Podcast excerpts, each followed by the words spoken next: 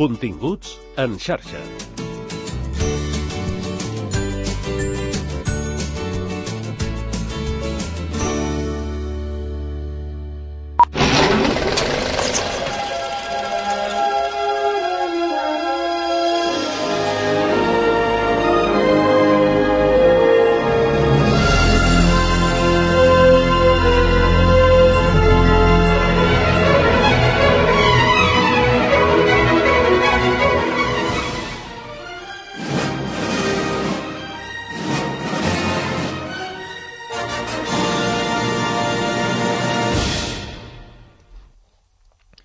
Què tal, cinèfils del món? Benvinguts a una nova edició de Cinema a la xarxa.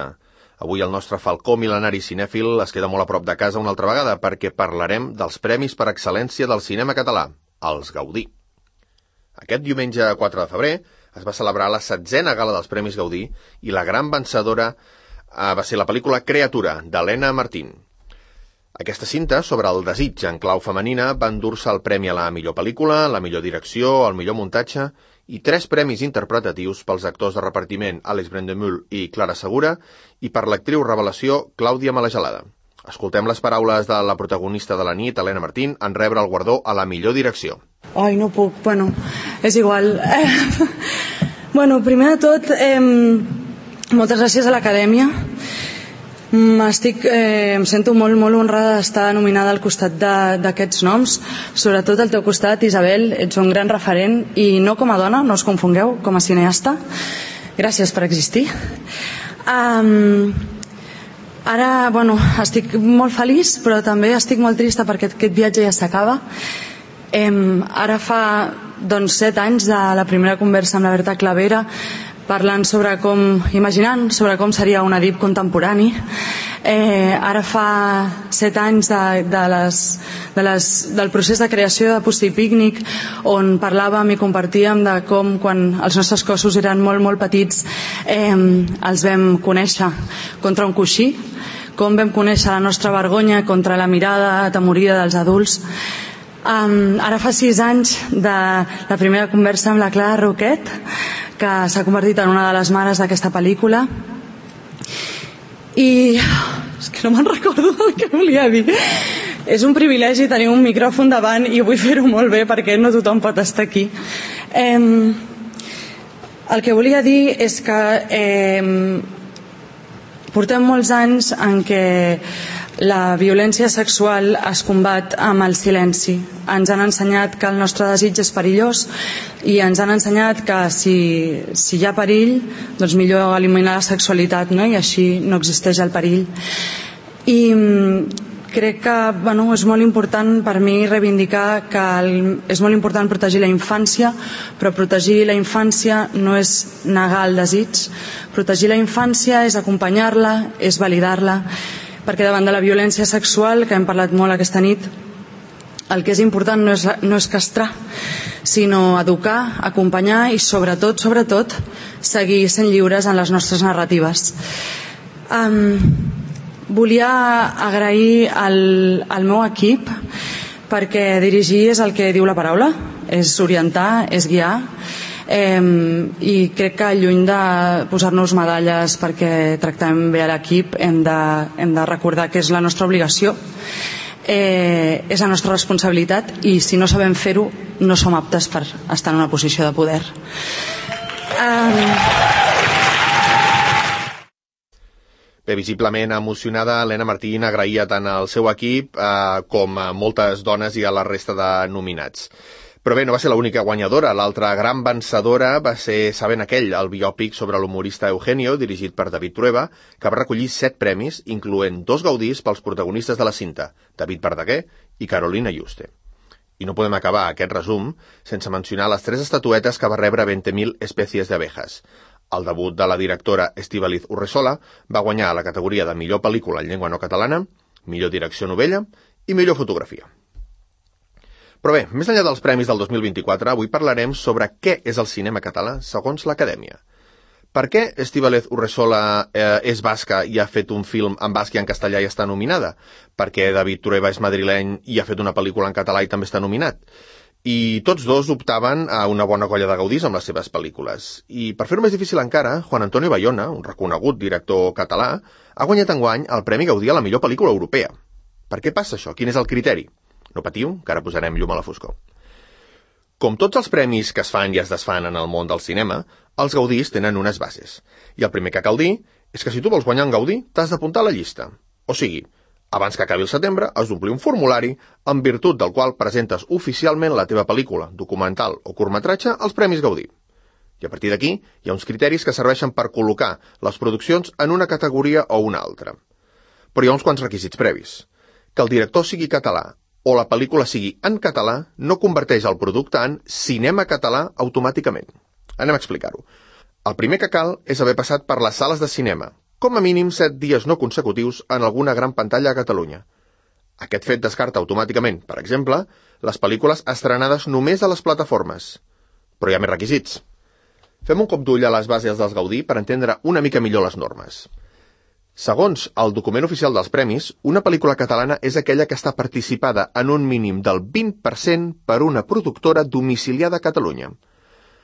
Aquesta és la norma que aquest 2024 no ha complert la Societat de la Nieve de Juan Antonio Bayona. Sent com és una producció 100% de Netflix, no passa el tall com a producció catalana. Netflix no és una productora catalana i, per tant, queda descartada. Però això no és tot. A més a més, ha de comptar amb professionals catalans que computen com a elements de catalanitat, si se'ls hi pot dir així, efectes de considerar la producció apta per a aquests guardons. Tot això es valora a través d'un sistema de punts. Per tal de poder presentar un projecte als Premis Gaudí i ser considerat cinema català, aquest projecte ha de sumar com a mínim 6 punts. Com se sumen aquests punts? Aquí hi ha una taula amb la qual es van adquirint mèrits. Que el director, el guionista o el productor siguin catalans suma dos punts. Dos punts cadascun. Aquestes són les feines que més puntuen per aportar aquesta catalanitat al projecte. A partir d'aquí, tots els altres eh, professionals que hi treballen van sumant un punt – actors protagonistes, secundaris, directors de fotografia, muntadors, directors d'art, de so, de vestuari, efectes visuals, etc. Hi ha un últim element que també suma un puntet, i és que la pel·lícula s'hagi rodat en més d'un 50% en un territori de parla catalana. Hem vist, per tant, que la llengua no és un factor decisiu. Ara bé, per competir a la millor pel·lícula, caldrà que com a mínim el 51% dels diàlegs siguin en català.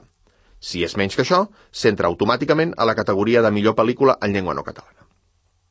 I ara anem al que importa. Qui decideix qui està nominat? I, després, qui guanya els Premis Gaudí? La resposta és ben fàcil. Els acadèmics. Però qui són els acadèmics? Vinga, anem un pas enrere i anem a descobrir, a posar cares a aquestes gairebé 600 persones que conformen l'Acadèmia del Cinema Català. Per ser acadèmic, el que cal és bàsicament ser un professional del cinema amb feina comprovable en el sector, apuntar-te a la llista i després pagar una quota. Amb la sol·licitud s'ha d'enviar un currículum amb el teu historial laboral, ja sigui com a muntador, actriu, productor, guionista o especialista en efectes visuals. A més, cal que dos acadèmics presentin avals certificant la teva experiència, com si fos una invitació o carta de presentació per entrar al club. I un cop acceptat, ja pots anar a la gala dels Premis Gaudí i fer una cosa molt més important, votar. I ara sí, per fi, anem a les votacions. A finals d'octubre o principis de novembre, de, segons l'any, l'Acadèmia fa públiques les produccions candidates als Premis Gaudí. En altres paraules, les pel·lícules, els curts i els documentals que tenen l'opció de sortir nominats. Aquest any, per exemple, hi havia 25 pel·lícules de ficció candidates en llengua no catalana i 12 en llengua catalana. I aquest és un any de rècords, hi ha hagut anys en què les pel·lícules en català només eren sis. Ens hem de posar les piles entre tots. Però bé, tornem al tema. Quan surt la llista de candidats, els acadèmics tenen un mes per votar els que després seran els nominats. A cada categoria han de triar quatre opcions. I sí, et pots votar a tu mateix, i tothom ho fa. Dit d'una altra manera, com més acadèmics hi hagi a la teva pel·lícula, més opcions tens de sortir nominat. I segur que us esteu preguntant com poden veure els acadèmics totes les pel·lícules. Doncs bé, les productores organitzen projeccions especials als cinemes només per acadèmics. I com que amb això no n'hi ha prou, també hi ha una plataforma pròpia, que es diu Veo Gaudí, on estan penjades totes les pel·lícules candidates i que és d'accés personal i intransferible dels acadèmics. Feta aquesta primera ronda de votacions, i sumant tots els sufragis emesos, l'Acadèmia publica els nominats. Cada categoria té quatre finalistes. I ara sí, toca la votació final. Cada acadèmic té un mes aproximadament per votar només un dels quatre nominats a cada categoria. I la resta, doncs, ja és fer les sumes. El que té més vots guanya. I ni tan sols la presidenta de l'acadèmia, la santcugatenca Judit Colell, sap qui guanyarà. Ella i la resta de Catalunya ho descobreixen en directe a la gala de lliurament. I la resta és història. I bé, com que mai no marxem sense una recomanació, avui toca recepta de cinema català. Recomanarem Creatura, la gran vencedora de la setzena edició dels Premis Gaudí, que sapigueu que la teniu a Filmin i és una excel·lent manera de descobrir una de les noves directores que ja estan canviant la història del nostre audiovisual. A banda de molt bones actuacions, moltes d'elles premiades, hi trobareu una història valenta sobre l'exploració de la sexualitat femenina en tres etapes de la vida. I com parlar d'això és encara, en ple segle XXI, un tabú.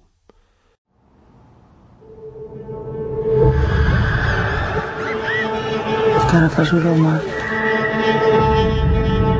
Ets tan guapo.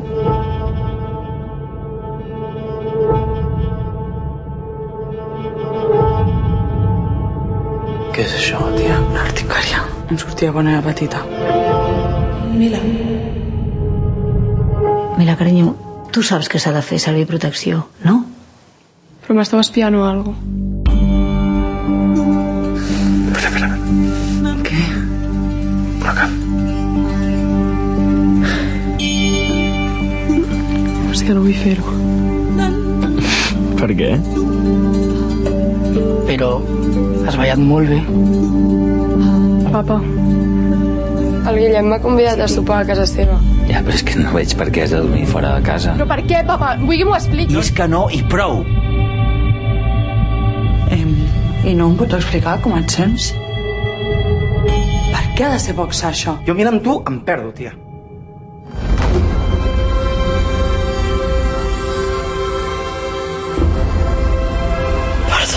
No, no passa res, no passa res. Fàstic.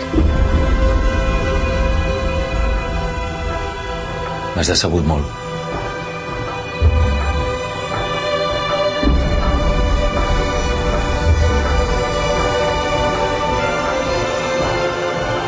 Tu estàs còmode amb mi? Vull sortir! Em sap greu no posar-ho més fàcil. Però és que no puc no fer aquest procés.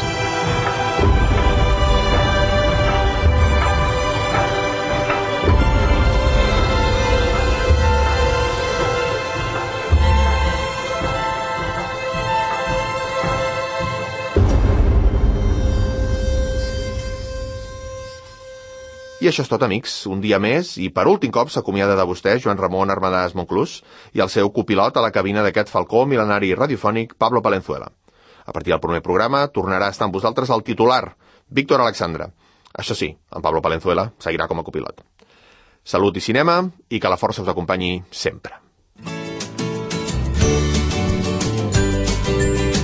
Continguts en xarxa.